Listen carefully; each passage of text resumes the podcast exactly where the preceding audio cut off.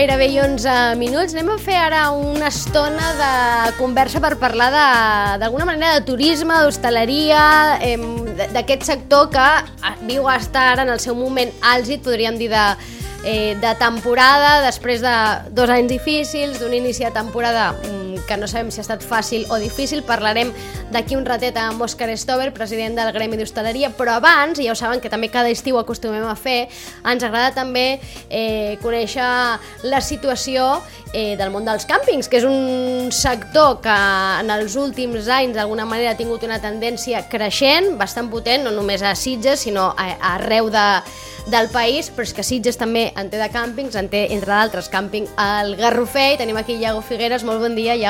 Què tal? Molt bon dia. Com ha començat la temporada? A veure... Pues la veritat és que molt bé, com tu deies, després de dos anys complicats, sobretot el 2020, on va haver-hi tot, tot el tancament total, i després el 2021, que només vam poder treballar pràcticament amb, amb turisme de proximitat, aquest any ja sembla que tornem a nivells similars a 2019, que va ser ja un bon any a Sitges. Mm -hmm. Els càmpings mm, continuen mantenint-se com un espai, diguem, preferit eh, per molts usuaris? És a dir, igual fa molts anys no passava, no? però la tendència dels últims anys, i la, pandèmia, la pandèmia ho vam dir, no? eh, també Mm. va eh, d'alguna manera eh, accentuar aquesta situació. No sé si això es manté, si sentiu d'alguna manera que la gent ha descobert els càmpings, ha dit, ostres, és una molt bona manera de passar l'estiu. Totalment. De fet, la gent ja ho va començar a descobrir els últims anys eh, per, per dos motius. Un, la, la pandèmia va ajudar, encara que ja estava en alza el tema dels càmpings arreu del territori, eh, la pandèmia va ajudar a que la gent que buscava doncs, espais oberts, espais naturals, eh, espais privats també, perquè al final una parcel·la o un bungalow tens la teva terrassa privada per la teva família, doncs eh, tot això continua a l'alça, eh, es manté, la gent que ja ho ha provat repeteix i encara s'afegeixen nous usuaris que abans doncs, anaven sempre d'hotel o apartaments turístics, per exemple. I fins a quin punt els, els, els càmpings, els que treballeu en els càmpings, els propietaris de, de càmpings com el càmping El Garrofer, també sou responsables de que aquesta tendència creixi en el sentit de que fins a quin punt us heu posat les piles, perquè ja ara en parlarem, el càmping El Garrofer acabeu de fer una reforma mm, forteta, eh? És a dir, d'alguna manera esteu invertint en canviar la imatge i en millorar constantment la imatge del càmping i potser queda lluny, o ens queda lluny aquella imatge que teníem de fa 30 anys, 40 anys, no? del càmping com un espai eh, més senzill, no? on simplement anaves i plantaves la teva tenda de campanya i ja no són això els càmpings. No, tens tota la raó. A mi m'agrada dir que és una mica el, el, el, el subsector del càmping dins del turisme. Era com el petit o feo, i ara sembla que els últims anys s'està convertint en cisne. Uh -huh. Llavors, eh, el, el que estem fent és que ens estem adequant al final a, la, a el que ens demana la, bueno, el turista, el viatger, la, la demanda turística, eh, millorant doncs, tots els productes que oferim, tots els serveis, totes les instal·lacions, i en el cas dels càmpings eh, és molt important, en, sobretot en els, en els de platja, o, on el clima és bastant calorós, el tema de la piscina. Llavors, nosaltres teníem una piscina pues, que tenia potser entre 40 i 50 anys, Que es diu aviat. i, i ja no és només, ja, ja en el nostre cas no era només el, el tema de millorar els serveis, sinó millorar també pues, tota la part d'economitzar de, energia, tota la part de seguretat laboral al quarto de, de l'espai de màquines, uh -huh. i diversos temes que es van ajuntar, vam, vam presentar la proposta a l'Ajuntament i al final, pues, ajustant alguns paràmetres del projecte, vam, vam arribar a una benentesa i vam, ens van donar la llicència d'obres. Uh -huh al febrer i a, just per Sant Joan, el dia 24, vam obrir a les portes de la piscina uh -huh. reformada. I com ha canviat aquesta piscina? És a dir, perquè ha deixat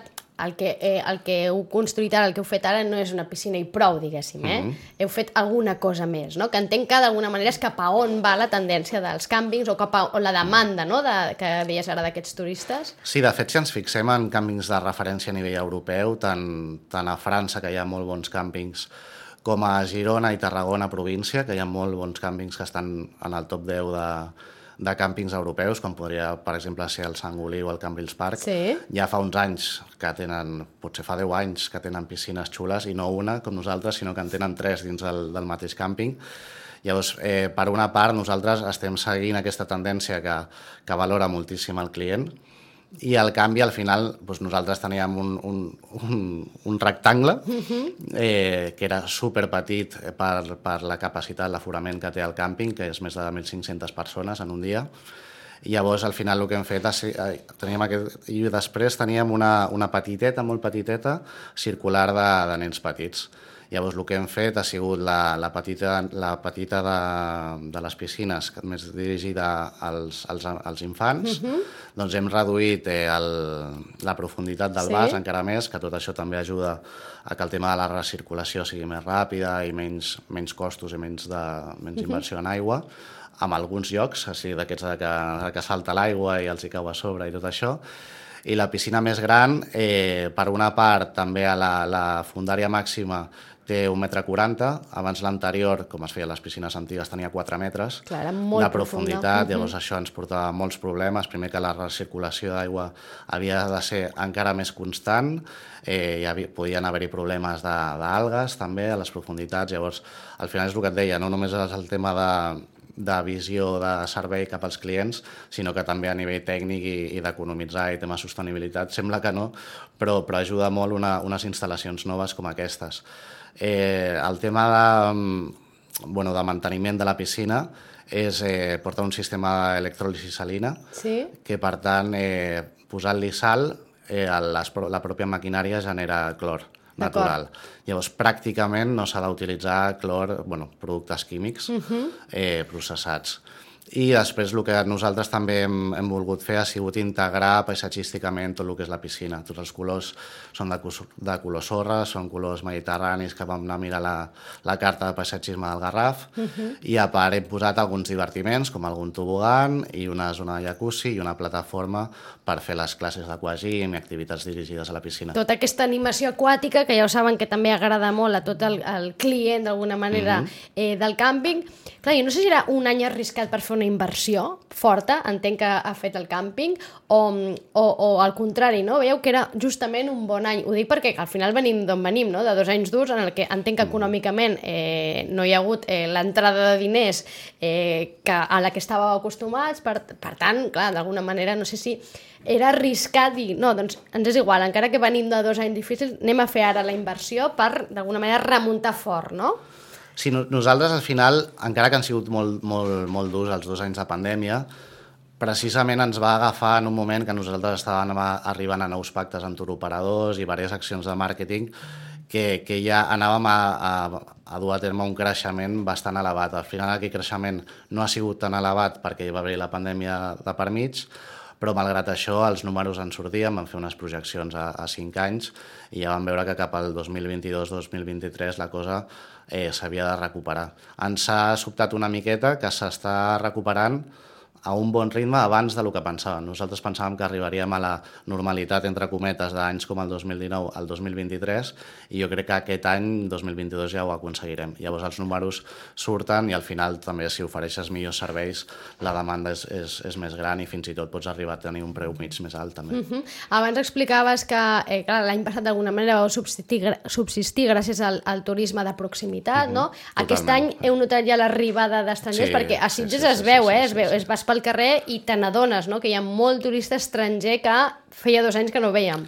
Sí, allò que parlàvem anys anteriors a la pandèmia de, bueno, i el percentatge de francesos, el d'holandesos, doncs ja està tornant aquell percentatge, aquells percentatges que teníem, so- sobretot a Sitges i en el nostre cas de Càmping al Garrofer, el, el client francès és el principal. Que és un client campista, eh? És a dir, és un client, no? És bueno, a dir, a tenen, França hi ha tenen molta tradició. moltíssima tradició campista, correcte, i després el client nacional i després ja en, en menor mesura eh, holandès, alemany i anglès. Llavors sí que ho estem veient que ja, ja es comencen a moure i estan fent, de fet, estades bastant llargues. Jo crec que tenien ganes també de, de moure's dels seus països i fer estades llargues de vacances. I ho estem notant sobretot en allotjaments de bungalow i tipus glamping. En les parcel·les per furgoneta i Sí. autocaravana encara costa una miqueta, encara falta una miqueta per arribar a nivells com els de 2019. Uh -huh. Ja saben que els glampings són eh, com aquests tipis, no? Són com un, o unes tendes... Tenim, no, sí, com... nosaltres tenim diversos, diversos models, hi ha tipis, hi ha domos que són com semicirculars, hi ha tendes safari, ara tenim unes també que són tendes safari per dues persones més petitetes, un parell estan elevades, que els diem a Talaia, i tenen les vistes a les, a les vinyes d'Essències, a Can Girona, i al final són tipus d'allotjament que mm, no sé com dir-ho, bueno, són allotjaments com especials, on, on l'important és viure l'experiència i, i para que nos vamos a engañar, el tema d'Instagram també ven molt i la gent ve a, a fer-se les Sí? fotitos. Sí, Sí? O sigui, la gent ve per la imatge, eh? És a dir, Bastant, mm, bastant. també reservem allotjament eh, allò per, per la imatge, per la foto, eh? Com allò que Totalment. dius, menges pels ulls, Totalment. també reserves pels ulls, eh? Totalment, totalment. Perquè al final, bueno, són moments que la, major, la gran majoria d'aquests allotjaments són per parelles, encara que tenim algunes tendes safari per famílies, i llavors, pues sí, tu, o sigui, tu et passeges ja quan cau el sol, per exemple, que és molt maca la llum que fan els tipis o els domos, quan estan obertes per dins, i veus a tothom amb els mòbils allà fent, fent fotos i stories i tot això. I, el- I de totes maneres, encara que aquest sigui el reclam o sigui el més vistós, Sí. el bungaló tradicional per 5 persones o 6 persones, que és el màxim que es pot tenir, eh, segueix funcionant superbé. Eh? El que és que és algo com més estàndard i, i no, no crida tant l'atenció, potser. Vaja, que anar de càmping ja no és el que era, en el, en el bon sentit, eh? És a dir, en el sentit que no és allò de anaves amb el Mhm. teu cotxe, plantaves la tenda de campanya i campi qui pugui, com qui vol, eh? Allò, eh, tot llibertat, no. Ara la cosa és bastant més luxosa, entenc que també hi ha tarifes per, eh, per tothom, és a dir, tu pots anar de càmping i, i anar eh, molt luxosament, d'alguna manera, o d'una manera més humil o més senzilla. Em, la convivència, Iago, amb, amb el sector, què tal? Perquè, clar, entenem, mm. tu, no hi ha gaire competència de càmping. D'alguna manera, em, no, no tenim una competència molt forta aquí, o sí, o sents que sí? Depèn de com ho miris, és a dir, com a competència directa només tenim el càmping Sitges, que és l'altre càmping que queda a Sitges, mm. però després si ho mirem com a, a Costa Barcelona, la marca Costa Barcelona, per exemple, sí que hi ha, hi ha bastants càmpings, eh, sobretot cap a dalt també hi ha molts, de Barcelona cap a dalt, Sí. Mataró, i també moltes vegades que acabem competint amb, amb la Costa Brava o amb la Costa de Tarragona. Daurada, no? Correcte, llavors al final compe- I aquí sí que hi ha hi càmpings forts, eh? hi ha molt forts, com et deia, hi ha molts que són referents i, i guanyen Sí, sí. premis internacionals a nivell europeu. Llavors, sí que hi ha competència, és veritat que supercompetència a nivell local directe, només tenim el càmping Sitges, Mhm. però, però al final el, el, el visitant o el viatger no només busca la destinació, sinó que també, en el cas dels càmpings, busca les instal·lacions i serveis dels càmpings. Llavors, potser li, li dona igual si ja ve d'Holanda o de França pues, eh, fer uns quilòmetres més i anar al càmping que, que realment eh, li ha entrat pels ulls quan ha fet la, la reserva. Però aquí va una mica lligat al que tu deies, no? Entenc que eh, la inversió i la renovació dels càmpings, aquesta posada al dia, entenc que és necessària perquè entenc que la ubicació de càmping al Garrofer és idíl·lica, no? En el sentit de que està a, a Sitges, de que està, tens muntanya i platja a tocar, no? Eh, que esteu en un lloc privilegiat, podríem dir, o Sí, difícil de, totalment. de trobar en altres espais, però clar, entenc que si no, si no hi ha inversió, si no es, es modifica l'interior no? i les instal·lacions, eh, pots estar al millor lloc del món que igual tampoc no Totalment. vindrien, no? Jo, de fet, crec que és extrapolable a qualsevol model de negoci, en realitat. Si és renovar-te o morir, no? És igual si és un càmping, és un hotel o és una empresa que fa mm, tornilleria. Vull dir, al final, si van, van evolucionant les, les tecnologies, van evolucionant les, les necessitats dels clients, al final eh, ens hem d'adaptar i és el que, el que estem fent. Uh -huh. eh, L'ocupació, qui- quins percentatges d'ocupació teniu ara per ara aquests mesos d'estiu? Doncs amb bungalows i glamping, tant el juliol com l'agost estarem en quasi tots els models d'allotjament per sobre del 90% segur, en alguns punts quasi al 100%, especialment la, la primera quinzena d'agost. Encara que ens ha sorprès també la primera quinzena de juliol. Per nosaltres, al, al, a Camping al Garrofer, normalment, la primera quinzena de juliol ja hi havia una mica de moviment, però no era allò d'estar plens. Pues ara estem, estem per sobre del 90% d'ocupació. Pot ser que la pandèmia hagi contents. canviat dinàmiques? Eh, sí, hi ha algunes que no ens agraden tant, com la reserva última, Última hora, eh? Sí. Això es queixeu tots. Eh, eh, els hotelers també, eh? Els hotelers també, que ara tot és, és per demà, eh? Això, les previsions, eh, clar, se't compliquen. Eh, però, bueno, al final eh, ja t'acostumes i dius, bueno, si estic fent bé el treball de promoció i els serveis són xulos i la gent eh, pues, eh, repeteix o per primera vegada, lo important és, és això, al final acabar omplint i llavors, res, aguantar el tirón, encara que retrasin una mica les reserves, si al final els resultats són bons, doncs estem contents. Eh, una de les qüestions que també aporta el sector de l'hostaleria a l'estiu a municipis com Sitges és d'alguna manera eh, oferta laboral no? i llocs de treball. Quanta gent hi ha treballant en aquests moments al càmping al Garrofer? O, o hi haurà treballant en moments de... No sé si ara ja esteu en, en, al 100%? Sí, sí, ara mateix ja sí. Estem, el que és càmping, amb treballadors directes són 28 i després externalitzem alguns serveis que ens reforcen com el tema de socorrisme o d'animació que reforcen el, el, nostre, el nostre personal propi. I després tenim la part de, de, de restaurant que ara em mataràs perquè ho porta això més al Dino, un dels socis, Sí. Però jo crec que 15 persones hi poden haver-hi Però entenc que hi ha contractades també. contractació, és a dir, que, són, que hi ha contractació temporal, en el sentit que en, durant aquests mesos hi ha una contractació extra de personal, no? i per tant hi ha com una, uh, opcions de, de treball per eh, gent d'aquí de, del territori, eh? Totalment. I, a més, ara ja no, amb la nova reforma laboral ja no són temporals, són fixes discontinus. Uh -huh. eh, llavors això, fan, fan la temporada i quan s'acaba, doncs, si l'any que ve les dues parts estem contents, doncs, tenen prioritat per, per tornar a treballar a l'empresa i si no, doncs, s'acaba com si fos un, un contracte temporal. Uh -huh. Entenc, per tant, que serà un bon any, un bon estiu, si res no canvia i no hi ha cap història mm. estranya, eh, la previsió és que sigui un bon estiu. En Iago va molt atabalat ara de feina, no només pel càmping, sinó perquè, a més a més, ara heu, eh, us heu involucrat en un altre projecte i és que un dels adjudicataris de- d'aquestes guinguetes, aquesta licitació de, de guinguetes que s'ha fet a Sitges, eh, sou vosaltres, no, eh, Iago, eh, amb la guingueta d'Aiguadols, La platja d'Iguadols. de la platja sí. d'Aiguadols. És un projecte diferent però semblant, és a dir, el, el, la guingueta que, que anirà ja a la platja d'Iguadols, que estem en, ara començant el muntatge, eh, serà Nòmada, Nòmada Beach, que aquesta marca ja existia per part del Dino Leprevós, que és un dels socis del Sí. càmping. I llavors eh, va sortir la, ens hem associat l'Alfonso, que és el seu germà, i jo dins del projecte per la licitació que es va dur a terme a finals de l'any passat i a principis d'aquest any de, per, pel concurs de platges de Sitges. I llavors, eh, pues sí, al final nosaltres sempre havíem volgut eh, estar a Si Sitges. havia de ser un any tranquil, no ho serà, eh? No, sempre vol, havíem volgut estar a Sitges, era una mica complicat entrar per l'estructura que hi havia de platges en aquells moments, va sortir la licitació pública i llavors vam decidir moure'ns de, de Vilanova a la platja del Far, on estava el Nòmada Sí. fins l'any passat, eh, a Sitges. Només vam apostar per la platja d'Iguadols perquè creiem que era la que més quadrava amb la nostra filosofia de negoci i per sort, encara que va estar molt renyit, eh, vam acabar guanyant la licitació i res, doncs fa unes setmanes ja es va resoldre formalment i vam començar amb tot el tema de la, bueno, tota la reforma interior del local, perquè en el cas d'Aiguadols és un local físic eh, que està sota el passeig d'Iring, com si Sí, diguéssim, però és a dir... Eh, i, des, i després muntem la terrassa. Munteu, és a dir, no, no feu una estructura de xiringuito i prou, és a dir, la part aquesta interior, tota La aquesta part- part, d'interior, també pa- podeu accedir-hi? Aquesta part interior, exacte, en aquest lot, que és el lot 13 de la, de la platja d'Iguadols, era part del lot i llavors el que s'utilitza és per la part de cuina i de magatzem i d'escombraries. Uh -huh. I just al davant eh, muntarem, que si tot va bé la començarem a muntar aquest dilluns dimarts, tota la tarima exterior de 100 metres quadrats, eh, on aniran totes les taules, cadires, plantes... Bueno, Per tant, això ja xulo, està aclarit, eh? Serà així. És a dir, això ja està aclarit. i Sí, forma- nosaltres al final vam presentar una proposta a la licitació i aquesta proposta és la que volem dur a terme.